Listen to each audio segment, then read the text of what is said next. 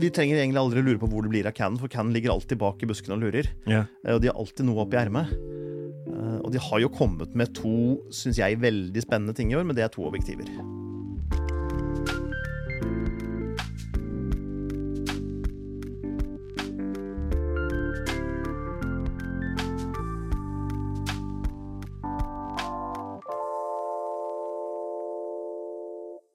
Velkommen, kjære ørevenner, kjære seere. I dag skal vi ha den faste årlige oppsummeringsepisoden, Ja. hvor Thomas Brun Hallo! og jeg går gjennom ja, kanskje ikke alt som er lansert i år, men i hvert fall de viktigste kameraene. Og kanskje ser vi litt tilbake på spådomsepisoden vår vi hadde i januar, hvor vi spådde hva som ville skje dette året. Ja. For å se hvor feil vi tok, eventuelt hvor rett vi hadde, hvis vi har hatt rett. Tok vi skikkelig feil, eller tok vi OK riktig? Vi traff relativt bra, faktisk. Ja, ok. Det så Syns jeg. Jeg husker jo ikke denne episoden i det hele tatt. Ja. Nei, jeg har smugkikka på den så, for, å, for å se fasiten. Mm. Og det kunne absolutt vært verre. Det kunne det. Så bra. Men vi var kanskje litt generelle, så det var kanskje derfor. Jeg vet ikke. Vi får se. Vi setter i gang. Hva har kommet for noe gøy i år, eh, Thomas?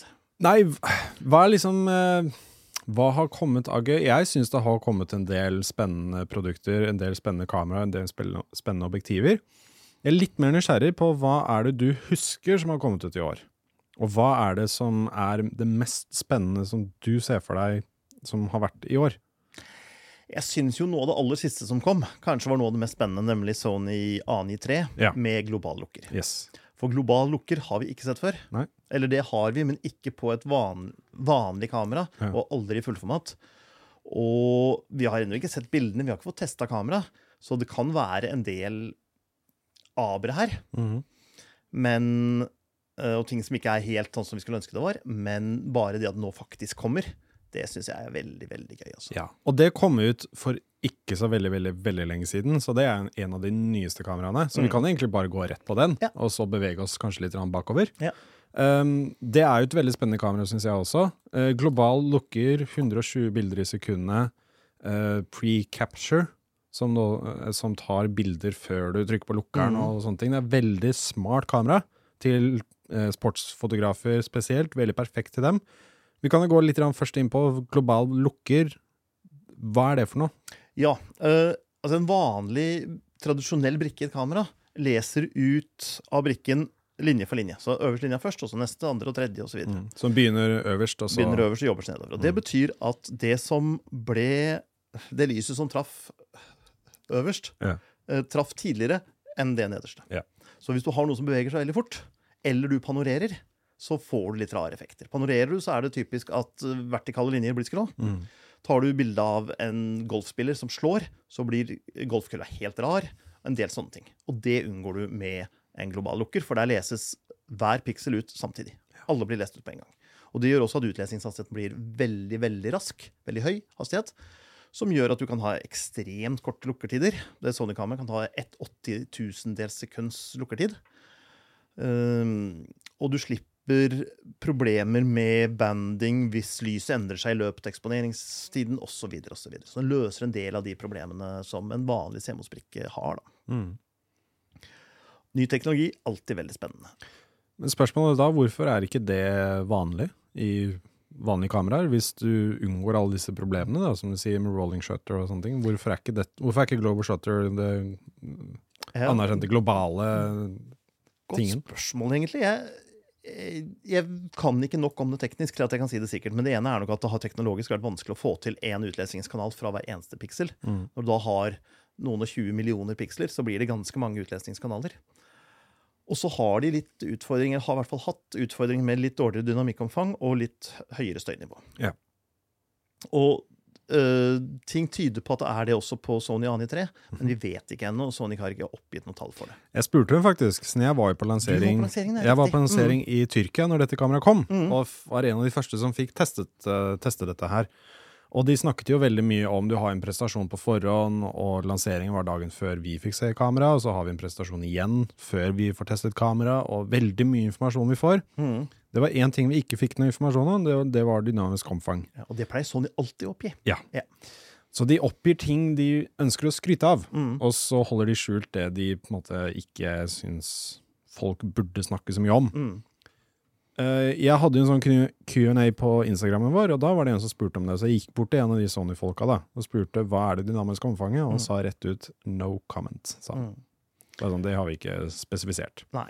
Så det kan hende at det er litt lavere enn det kunne ha vært hvis det ikke var en global lukker. Mm. Men jeg skjønte også på det med global lukker at det kan også være et prisspørsmål her. Fordi det nye A9 Mark 3-kameraet er relativt kostbart. Mm. Og relativt mye mer kostbart enn forrige versjon. Ja. Og dette kan være en av grunnene kanskje Mm. til at den globale lukkeren koster såpass mye fortsatt. Mm. Men fremover da, så kan det hende at de finner en rimeligere måte å gjøre det på. At dette blir den nye standarden. Det vet vi ikke, men det er en annen episode.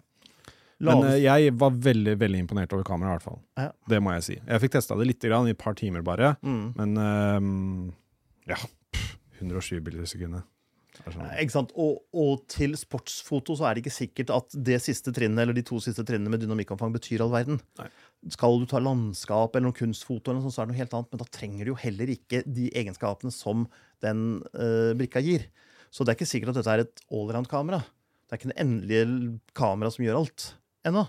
Men det det skal gjøre, det tror jeg de gjør. Det gjør det veldig bra. Godt, altså. Det er jo designet til det, og det er Mm. det som jeg syns er interessant med kameraet som kommer ut nå. At det er ikke et, et kamera som skal prøve å gjøre alt mer. Du har, du har jo litt de også, da. ja, du har de flaggskipkameraene som Ja. er sånn null kompromiss, f.eks. Sony A1, Mm. eh, som vi har snakket litt om før, som er et veldig veldig imponerende kamera. Men du har også disse kameraene som er liksom sånn nisjekameraer til de spesifikke tingene, og det er det jeg syns er interessant. Og det er som du har sagt tidligere, det finnes jo ikke noe dårlig kamera lenger. Det fins bare kameraer som er spesifikke til sitt bruk. Mm. Og Eller når, som passer bedre til dine hender eller dine Ja. skuldre. Eller, ja. og når de begynner å gjøre de tingene som de skal gjøre veldig veldig bra, Mm. det er, da er det lite å klage på lenger, da. Absolutt.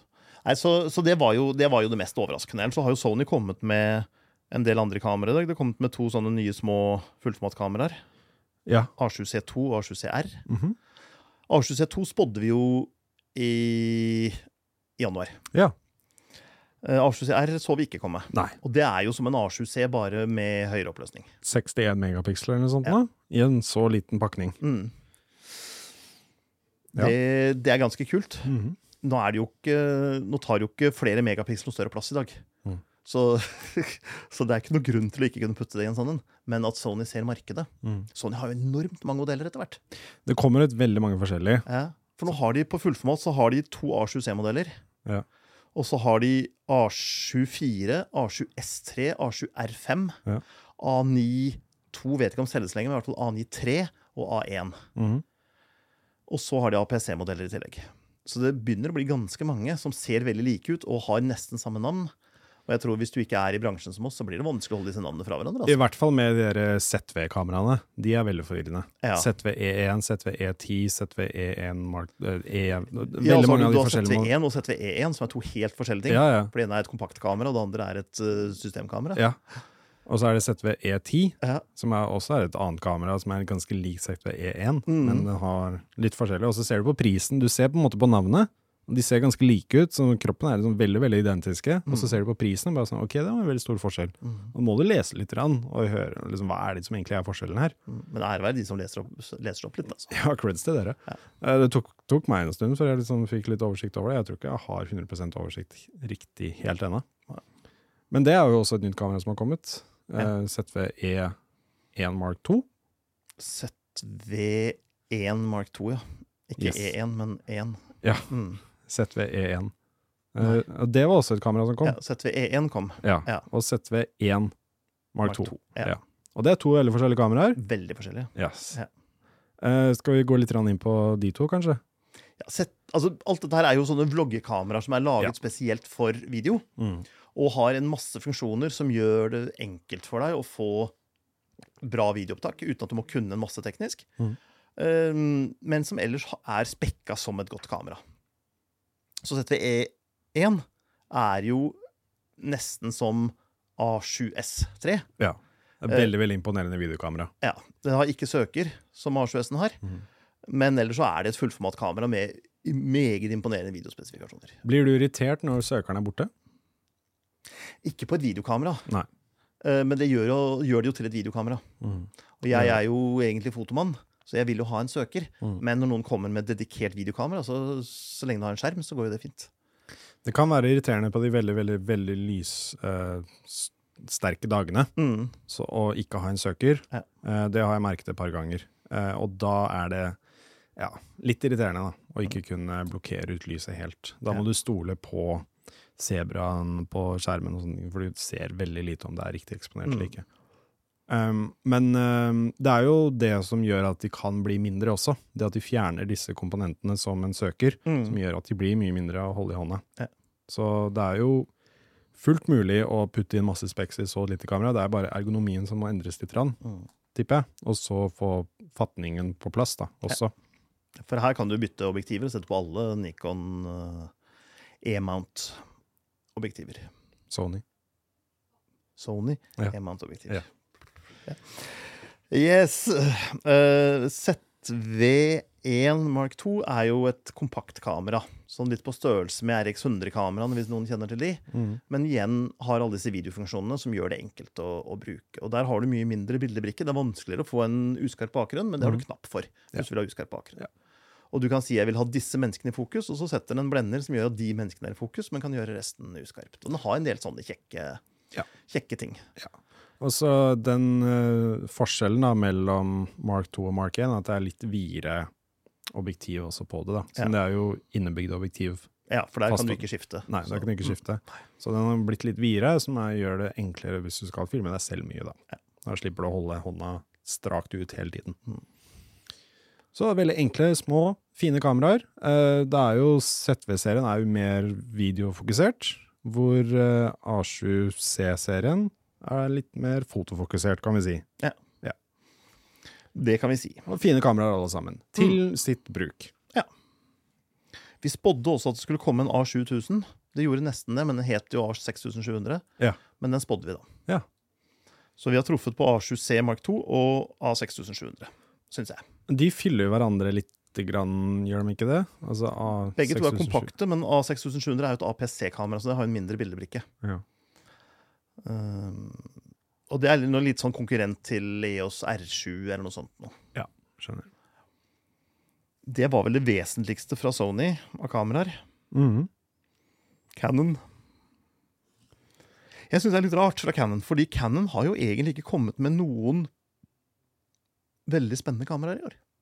De har kommet med noen veldig spennende objektiver, men de har ikke egentlig kommet med noen spennende kameraer. De har kommet med R50, R100 og R8. Mm. Og de to første er veldig billige, og det blir jo litt sånn erstatninger for M-serien som de har kutta ut. Ja. hos M. Og R8 er jo en rimeligere R6. Og det er jo i utgangspunktet kjempesmart, men nå har jo R6 vært såpass billig en stund mm.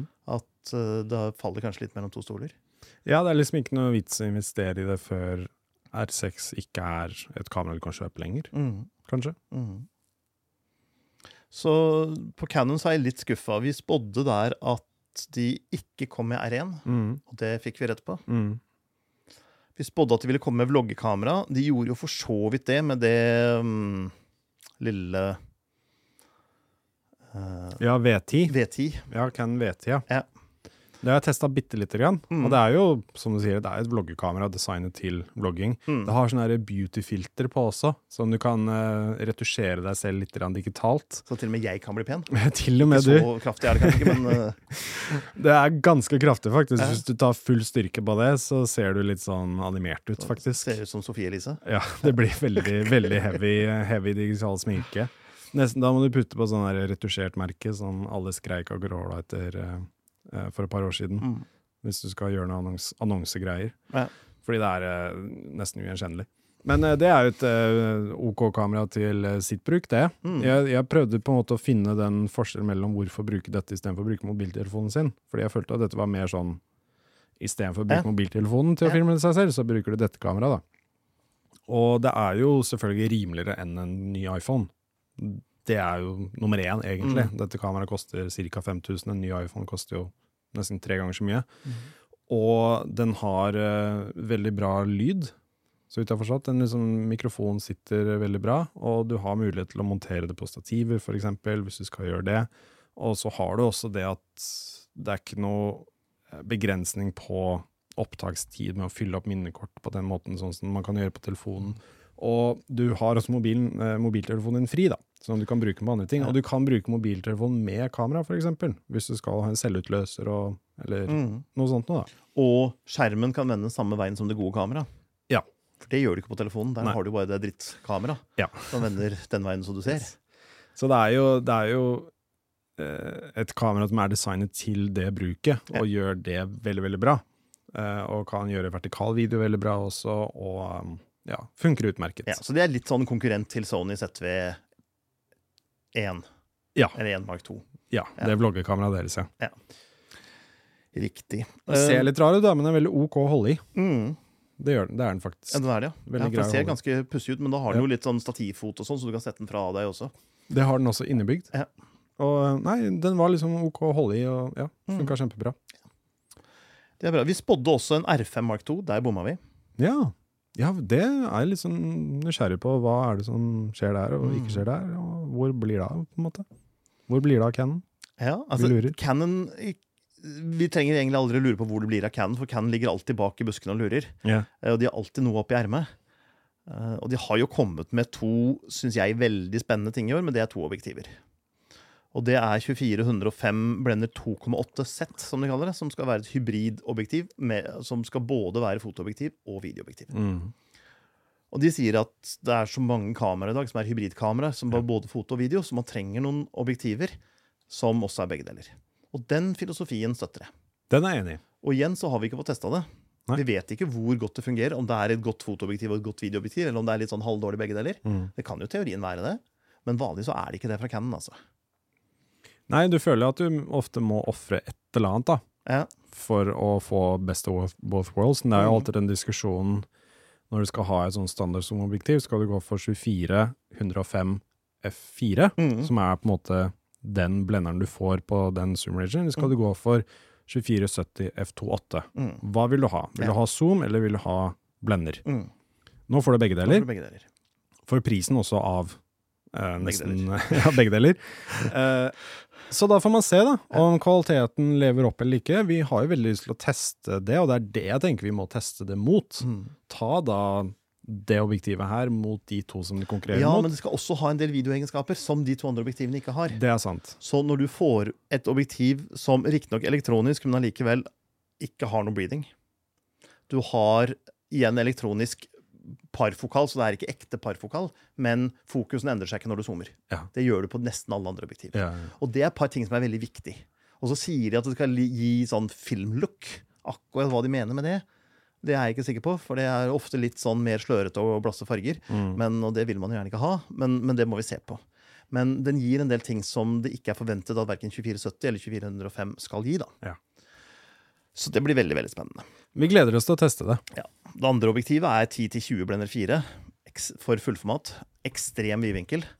Ja, den er stilig. stilig. ja, Erstatter litt den 11 til 24, eller hva det var, eh, for EF, Mm. men er ekstremt mye mindre. Veldig kompakt. Veldig, veldig kompakt. Så den er morsom å leke med hvis du liker perspektiver eller ekstremt, ekstreme landskaper eller interiører, eller du liker å leke med linjer, rett og slett. I Altså. hvert fall hvis du er eh, boligfotograf, så er dette go to-objektivet for Kan å du selge bøttekott som et Ja, pass? ja, ja, virkelig. Ja. Det får til og med det studioet her til å se enormt ut. Ja.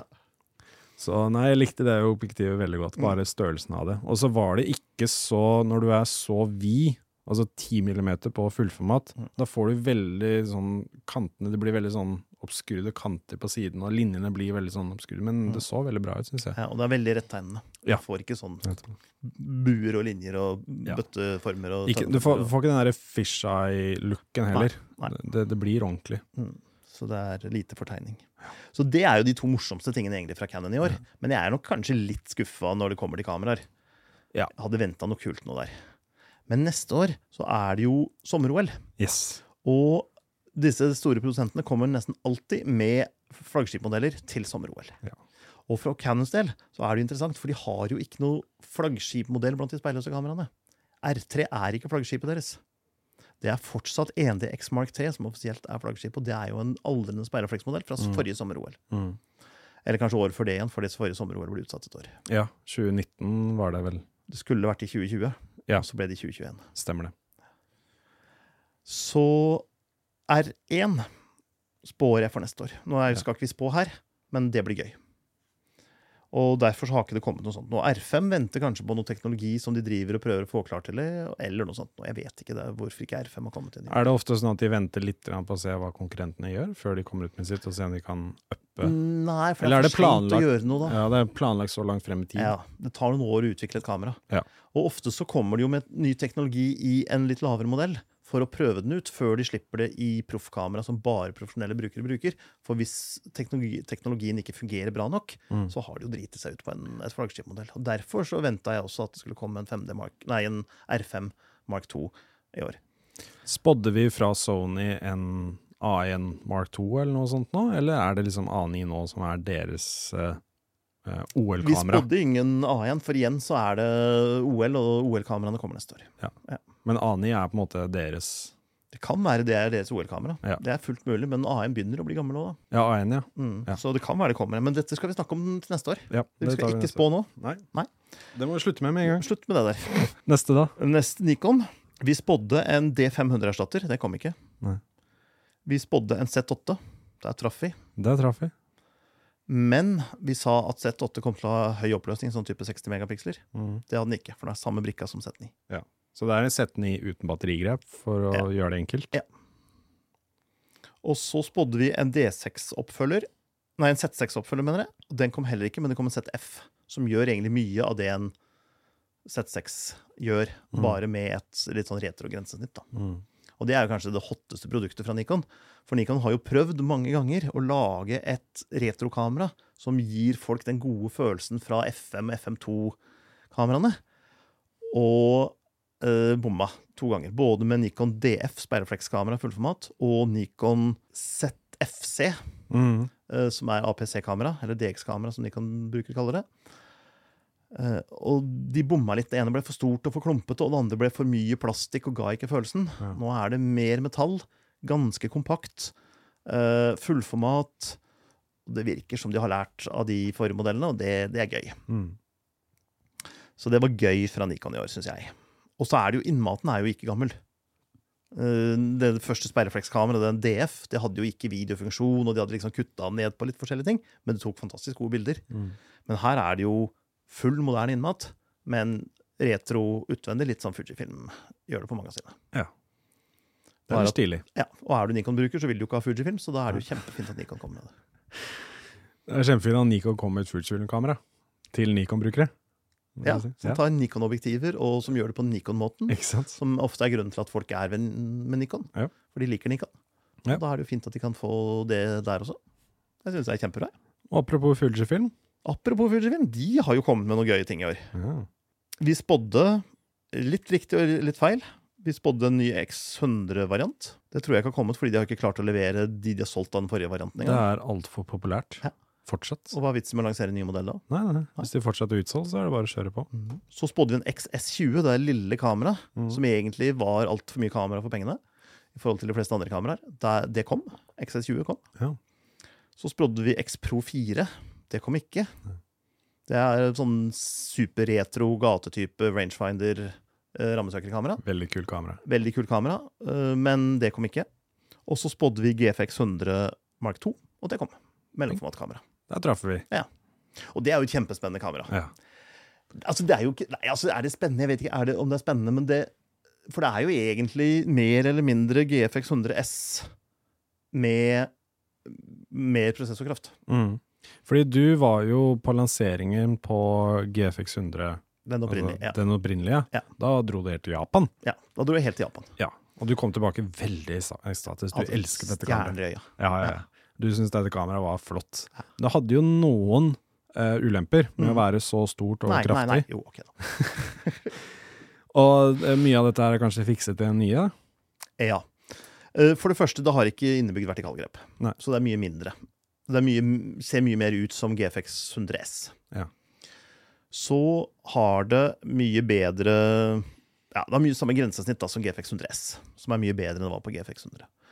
Og så har det mye, mye mer prosessorkraft, som gjør at autofokusen nå faktisk er så kjapp at den kan brukes til det meste. Jeg ville ikke brukt den til fugler i flukt, men du har heller ikke 800 mm teler og tilsvarende, så fugler i flukt er ikke optimalt i noe tilfelle på et sånt kamera.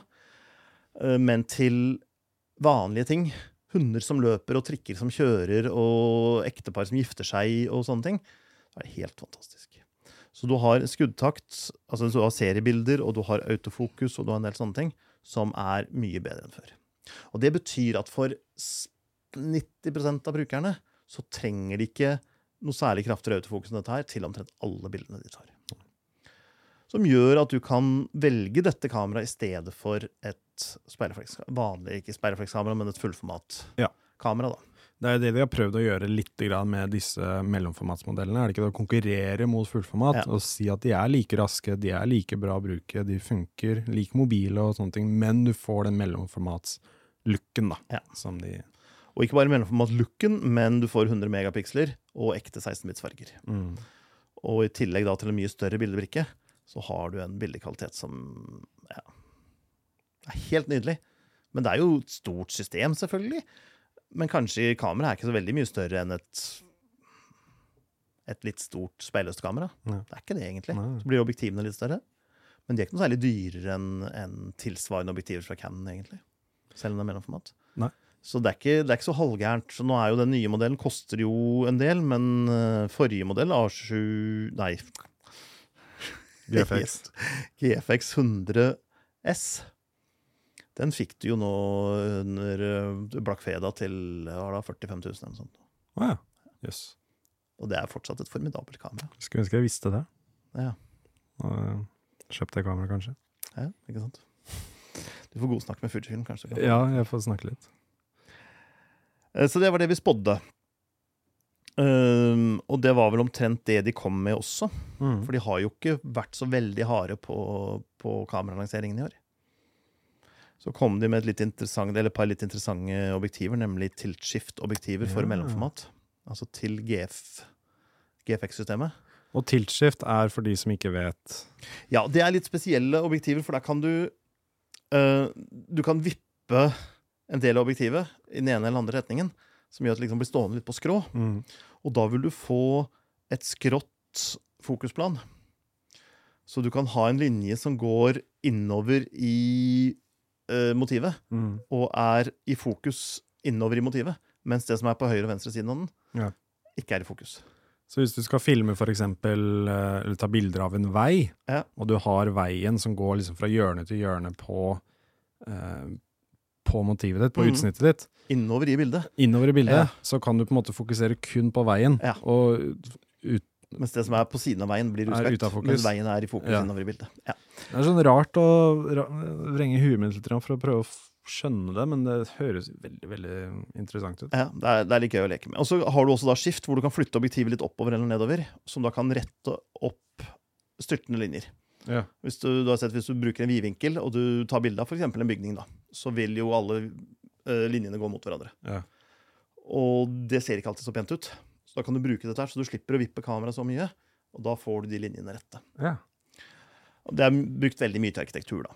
Ja, det har jeg skjønt. Og også til um, Vi har jo, når man skal ta bilder av kunst, for eksempel, og malerier og, og store kunstverk, så har de også brukt det mye. Ja, hvis det er store kunstverk og det ikke er så lett å få kameraet til å peke rett mot, Ja, og du må holde litt på skrå, Ja. så bruker man sånne, for da får du retta dem opp i optikken. Da. så det er jo for spesielle caser, dette her. Ja. Det er jo det. Og derfor så har det ikke vært noe sånne til mellomformat før. Nei.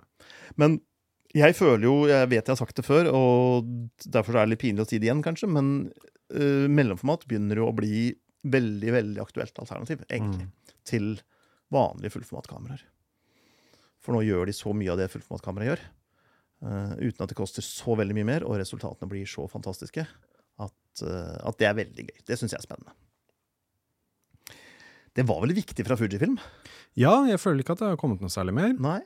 De har kanskje Jeg husker du sa en gang at det var sånn Det er ett år hvor de fokuserer på den ene serien sin, mm. akkurat er den, og så neste år så er det liksom den andre serien. Ja, og de sa at 2023 skulle være mellomformatår. Det skulle være GFX. Ja.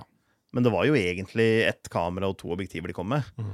Så det Ja, er ja. mulig jeg har kommet til objektiv jeg ikke har fått med meg, men, eh, eller ikke husker i farta, men, men eh, det var ikke så veldig vesentlig, i hvert fall. Nei. Så av vesentlige ting så var det de tre produktene. Og det er kjempefint, det, men det er jo ikke akkurat sånn ras av mellomformatting som vi så for oss når de hadde i fjor sa at neste år, da blir det mellomformatens tur. ja. Ja, så skjer det ingenting før i september. men, men.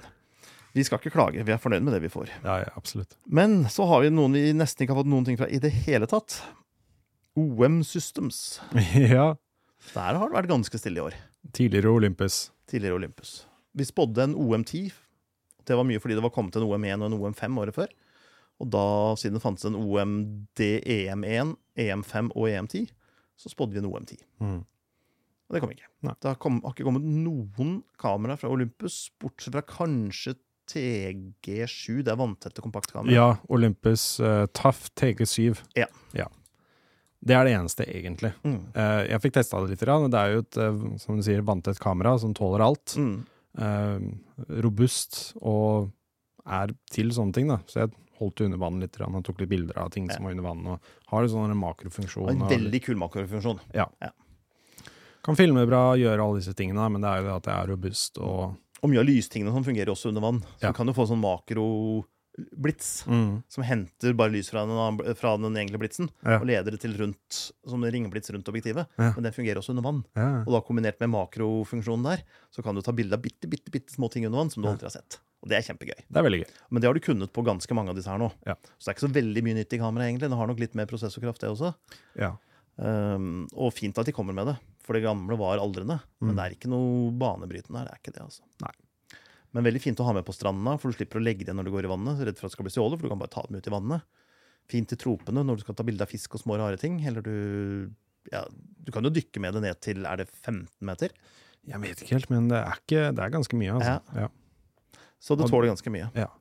Det er perfekt hvis du er mye ute og seiler, f.eks. Så kan du bare ha det liggende i båten Ja. egentlig hvor som helst. Det er ikke redd for sjøsprøyter eller skal gå i dørken dørken. Ja, ja. Trenger ikke å tenke noe særlig over det, og du får litt bedre bilder på den enn en GoPro, f.eks. Det tror jeg. Så det er fint. Men de har kommet med et objektiv som jeg syns er kjempekult. Ja, ikke det? Eh, 90 mm blende 3.5 makro. Ja. For det har jo ekte 2.3-makro, det. ja. Uh, og det har vi ikke før sett på et autofokusobjektiv. Det har vært én til én og én til to, men to til én, så du får dobbel forstørrelse. Det har vi aldri sett på et objektiv med autofokus før. Mm. Og ikke nok med det, men du kan også sette på en to ganger telekonverter. Og da har du ekte fire til én makro. Mm. Og så pleier Olympus de pleier å jukse med disse tallene fordi de har en mindre bilde, bildebrikke enn fullformat. Så de sier jo ofte at ja, men én til én i objektivet, det blir jo som to til én hos oss fordi vi har så liten brikke. Og regner du med det, så kan du da få åtte til én forstørrelse. Hvis du skal ta med det i i tillegg. Men om som vi så ikke gjør det, så har du altså, kan du få ekte fire til én forstørrelse i det objektivet med telekonverteren på, Mm. håndholdt, fordi den har så, det er så god stabilisering i det systemet. Det er ganske hårete, altså. Det er ganske kult. Jeg syns det. Så øh, jeg prata med en undervannsfotograf som skulle få seg undervannshus til kamera med det objektivet på, så hun kunne gå ned og ta bilde av latterlig små ting under vann Stilig. med ekte 4TM-forstørrelse. Det er gøy. Og det er litt sånn veldig bra til sitt bruk, ikke sant. Det er ikke noe objektiv alle trenger å, å være ekstatisk over, men de som veit hva dette er for noe, Mm. og er interessert i det, veldig, veldig kult. Ja, absolutt. Og så er det jo sånn at hvis du liker å ta bilder i makro 1 til 1, så er det en relativt enkel øvelse. 2 til 1 er en mye mer krevende øvelse. Mm. 4 til 1 er en ekstremt vanskelig øvelse. Og særlig på en Micro Four Thirds, for da fyller du så mye av brikka Mm. at du i, i kompleksitet omtrent får 8 til 1. Og skal du gjøre det håndholdt, da skal du vite hva du driver med. Altså. uh, og gjør du det under vann, så blir bevegelsen litt roligere, men du må jo da passe på din egen oppdrift og alt mulig annet også i tillegg. Så, så det er ikke bare bare å si at 1 til 1 er kult, 4 til 1 er fire ganger så kult. Eh, jo, det er for så vidt det, men det er også fire ganger så vanskelig. Blir det nesten litt sånn mikroskopisk. Det blir jo det, egentlig. Ja, ja. Men, så det er ikke et nybegynnerting. Men med litt øvelse så er det veldig mye gøy du kan ta bilde av, for det er ting du ikke ser i virkeligheten. Så du, du åpner en ny verden, da, egentlig, Mm. med, med så mye forstørrelse. Og man har lenge kunnet ha så mye forstørrelse, men når du kan gjøre det håndholdt, og du har autofokus, så er terskelen litt lavere da, for, Ja. eh, for folk flest for å gjøre det. Spennende. Mm. Og mens vi er inne på Micro Four Thirds, så kan vi jo ta Panasonic, Geni Geni Mark 2. Mark 2. Ja. Og det er vel stort sett det. Ja, det er egentlig det, altså. Eh, og det er jo et veldig kult kamera. Mm. Altså de, eh, Panasonic er veldig flinke på å putte veldig mye speks i kameraene sine. Veldig masse ting. Litt sånn som Olympus var før. Det var bare det var så mye funksjoner at eh, du ble liksom blind av det. Mm. Men uh, Geni Mark 2 det, det er jo som du sier, det er jo videofokusert mesteparten, men det er også et veldig bra fotokamera. Kan ta sånn high definition-bilder, 100 megapiksler, tror jeg. Noe sånt, ja.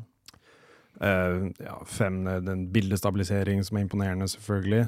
Og den har også den derre pre-capture som A9 Mark 3 har. Mm.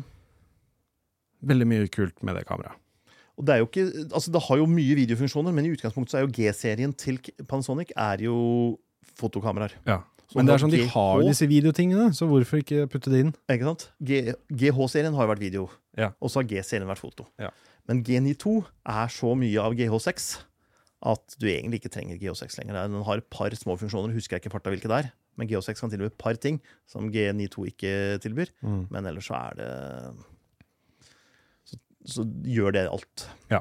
Så det er et relativt kompakt og lite kamera som egentlig gjør veldig, veldig mye. Altså. Absolutt. Ja. Du kommer deg veldig, veldig langt med dette kameraet til det meste. Mm. Eh, og det er det jeg tror eh, målet også er, da. Og trives du med Micro Four Thirds, så er det et superkamera. Ja, det er. Det er ikke mange år vi skal tilbake før eh, alle disse speksene så type, sånn type kamera var uhørt. Helt, Ja, ja Da- nei, det da- har skjedd så mye der. Det hadde, det hadde vært liksom den store nyheten for, for et par år siden. Ja. At liksom dette hadde vært revolusjonerende. Men nå er det sånn det kom, og så var det interessant, og så Og du Ja. har jo også fått uh, fasefokusen, Ja. som vi det først så i S52. Ja. Og som Panasonic har mangla fram til det. Ja, fordi Den før det så brukte de kontrastfokus. Kun kontrastfokus. Ja. Og det er ikke det er Funka ikke- dårlig. Ja. I hvert fall på video. Ja. Vi har flere produsenter. Vi har Leica. Det har vi. Mhm. Fra Leica så spådde vi SL3. Den kom ikke. Nei.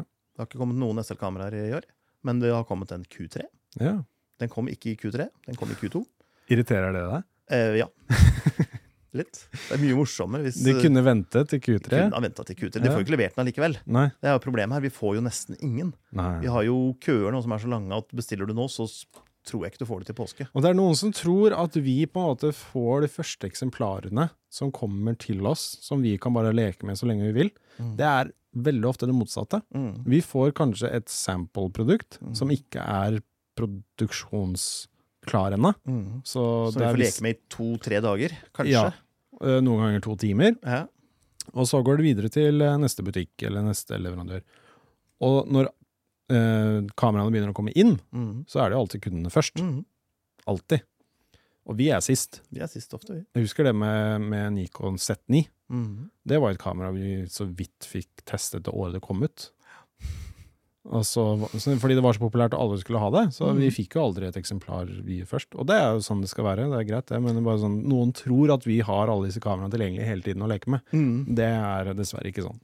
Og gjerne i ukevis før noen vet at de fins i det hele tatt. Det var derfor jeg begynte på denne jobben her. Ja, ikke sant? Og jeg får ikke det engang. Søren, altså. Nei, det er ganske trist, det der. ja. Men Q3 liv. kom, og Q3 er jo et morsomt kamera, for det har jo bildebrikka fra, fra at den høyoppløste 61 megapixel-brikka. Ja. Og det er et kompakt kamera som, med et objektiv som er helt fantastisk. Så det gir sånn nydelig bildekvalitet. Mm. Så er det jo noe med å gå rundt med det kameraet, for det føles så leika. ja. Samtidig som det jo er et kompakt kamera. Men du har autofokus, og du har en elektronisk søker og sånne ting.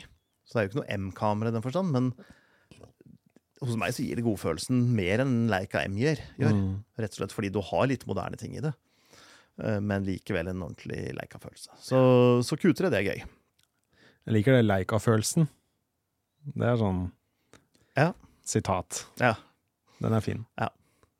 Og så kom det jo med et kamera til nå på tampen, og det var jo M11P. Ok. Men det har jeg ikke fått med. Det er en variant av M11. Ja. men blant annet med noe som heter Content Credentials, som er en sånn slags sertifisering av at innholdet ikke, på bildet ikke er tukla med. Okay. Så i disse dager hvor man kan lage alt mulig rart med kunstig intelligens, så kan du da ha en sånn en som sier ok, her har du tukla med, og det og det er endra, eller det er ikke endra. Mm. Og dermed så kan man eh, bekrefte hva som er gjort, eller at det ikke er gjort noe. Litt som en NFT, kanskje? Litt, Ja. men det krever ikke et eget kraftverk bare for å Nei. oppdatere. M, det står for igjen. Hva står det for? Det er så gammelt at det, det vet jeg ikke. Altså, M-serien er jo fra Jeg trodde det var monokrom. Jeg. Nei, Leica M er jo det systemet med utskiftbare objektiver og rammesøker osv. Ja. videre De finnes jo i monokromutgave, Ja, men, eh, men Leica M har jo vært siden Ålesund brant, omtrent. Okay, Jeg skjønner. Så Det er lenge siden. Det er lenge siden Ålesund Ja. brant. Ja. Nei, men uh, Cartier Brusseau brukte vel et Leica M. Ja. Og uh, Nick Att med Napalm-piken, det Napalm-jenta, det bildet er tatt med Leica M. Det er det. Og det er mange historiske bilder som er tatt med Leica M. Så det er liksom det legendariske systemet til Leica. da. Mm. Men det er jo ikke autofokus, og det er rammesøker, og det er en del sånne ting som gjør det litt plundrete. Men i sin tid så hadde det en utrolig sjarm med at det var nesten lydløst, for du hadde ikke noe speil som måtte gå opp og vippe ned og. Så, videre. så det hadde en del øh, nytte der. Og så var det jo bygd som en tanks. Det er fortsatt veldig solid bygd. Men innmaten er jo elektronisk, og den er jo relativt lik mye annet. Men, øh, men objektivene er formidable. Følelsen er formidabel. Og bare den der hele der legenden Ja, ja. av sånne Leica M-fotografer og berømte bilder som er tatt med det systemet, gir jo litt sånn historisk sus når du Mm. bruker det. da, Så du, du får godfølelsen lett altså, ved, ved å bruke det. Du er litt sånn ehm, jeg, jeg er veldig sånn gal på notatbøker noen ganger. da Så hvis, hvis du har en veldig veldig fin notatbok fra Moleskin eller fra et av disse merkene som du har bestilt på forhånd, du står liksom eh, gravert inn i kinnet liksom navnet ditt og sånne ting. Monogram. Ja, ja, men virkelig sånn da, da Det som skal skrives i denne boka, det skal være bra. Mm. Det skal være verdig av boka. Ja. Kanskje litt man føler med det kameraet også. Bare sånn Det du skal ta bilde av, det skal være verdig. Mm. Det skal være kameraet verdt. Ja. Hvis du skjønner?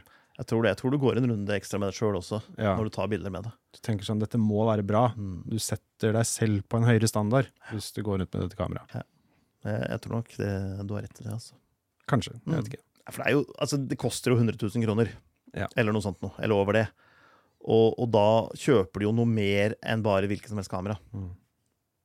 Og det gjør du. Du kjøper jo et smykke altså, når du kjøper det. Og noe som pirrer kreativiteten til veldig mange. Som gjør at du kanskje tar bilder som du ikke ville tatt med noe annet. Ja. Nettopp fordi du har litt den der ærefrykten når du bruker det. Så, så det er eh, Om det er verdt pengene, det er jo opp til deg, men, men det er mange som sier at jeg tar bilder med dette kameraet som jeg ikke kunne tatt med noen andre bilder. Ja. Ikke pga. det tekniske, men pga. at det er en Ja. Leica M.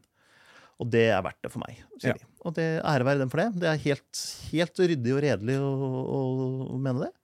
Og så er det helt ryddig og redelig å mene akkurat motsatt og si at det gir meg ingenting ekstra, og det gidder jeg ikke å bruke penger på. Ja, fair enough. Mm.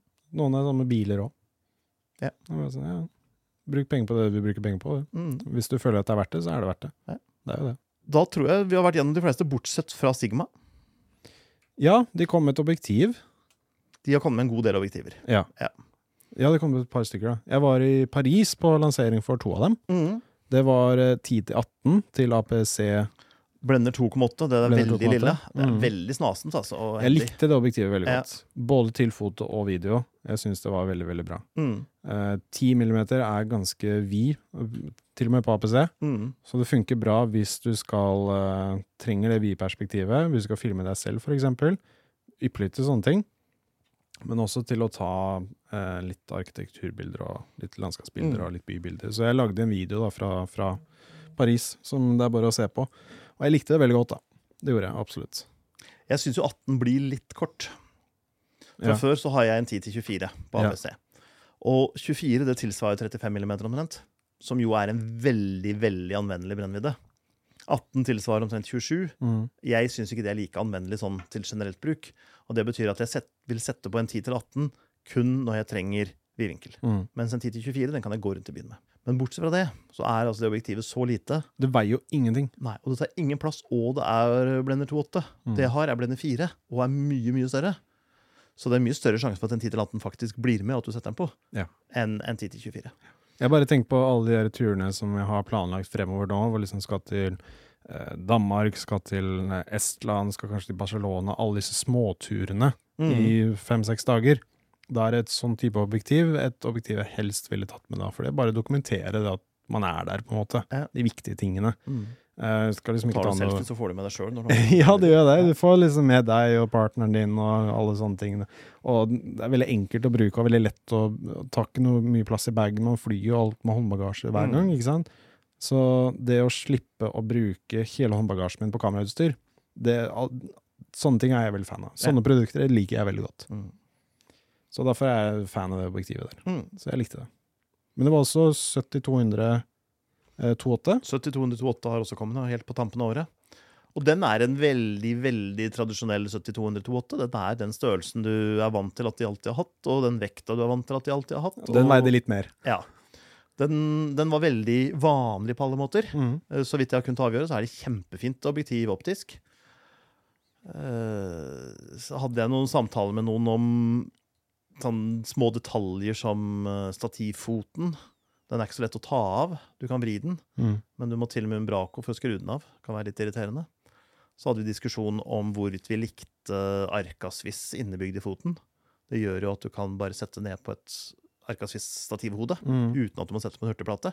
Kjempekjekt. Noen Ja. sa ja, nei, men det ga litt feil følelse når hånda mi kom borti, så jeg likte ikke at det var Arcaswiss.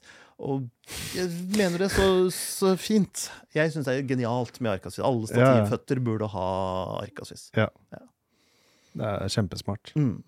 Sparer deg så mye hodebry. Ja. Jeg tror Sigma har kommet med noen objektiver tidligere år også, men ikke noe sånn som vekker noe voldsom oppsikt. Nei. Eh, Vi diskuterte i januar om de ville komme med et kamera med Fovion-brikke. Med nye fullformat Fovion-brikken. Og der tvilte vi på det, Mm. for den var ikke klar nok. Og det fikk vi rett i. Vi har rett på noen ting. Vi har det. Vi har Ja. rett av og til, vi også. Noen ganger. Ja. Hvis vi snakker generelt nok, Ja. så har vi rett på det meste. Ja. Litt sånn eh, horoskopaktig tekst. Og skal vi ikke spå om neste år, men jeg Nei. spår at det kommer kameraer. Ja, du, Ja. det tror jeg jeg er ganske sikker på også. Mm. Mest sannsynligvis så vil det forhåpentligvis komme noen kameraer neste år. Mm. Kanskje. Og noen objektiver. Ja. Men det skal vi snakke om i januar. Det skal vi. Da skal vi ha spådomsepisoden. Yes. Det blir enda gøyere. Er vi, er vi gjennom lista da, tror du? Jeg tror det. Ja. Jeg kommer ikke på noe sånn vesentlig som vi ikke har tatt for oss. Hvis det er masse vi har glemt eller tatt feil på, så skriv gjerne i kommentarfeltet. Ja. Så tar vi og fortsetter diskusjonen der. Det vi gjorde i januar, det var jo å gi produsenten en ordre om å fikse kommunikasjonen mot mobiltelefon, så det ble mye bedre. Stemmer det. Har de fulgt den ordren? Nei. Kommer de til å gjøre det neste år? Det tviler jeg på. Dessverre. Den som har lever, får se. Ja. Eh, vi ses igjen til neste år. Det gjør vi. Hvis ikke kanskje allerede neste uke. Hvem vet? Nei, det, det er det ingen som vet. Nei. Det er det eneste vi vet. At ingen vet. Den som har lever, får se. Ja. Eh, god jul. Godt nyttår. Hvis vi ikke ses igjen neste uke. Ja Stemmer det. det, det. Eller høres. Ja, eller høres. Ja. Ok, takk for nå. Takk for nå. Ha det bra.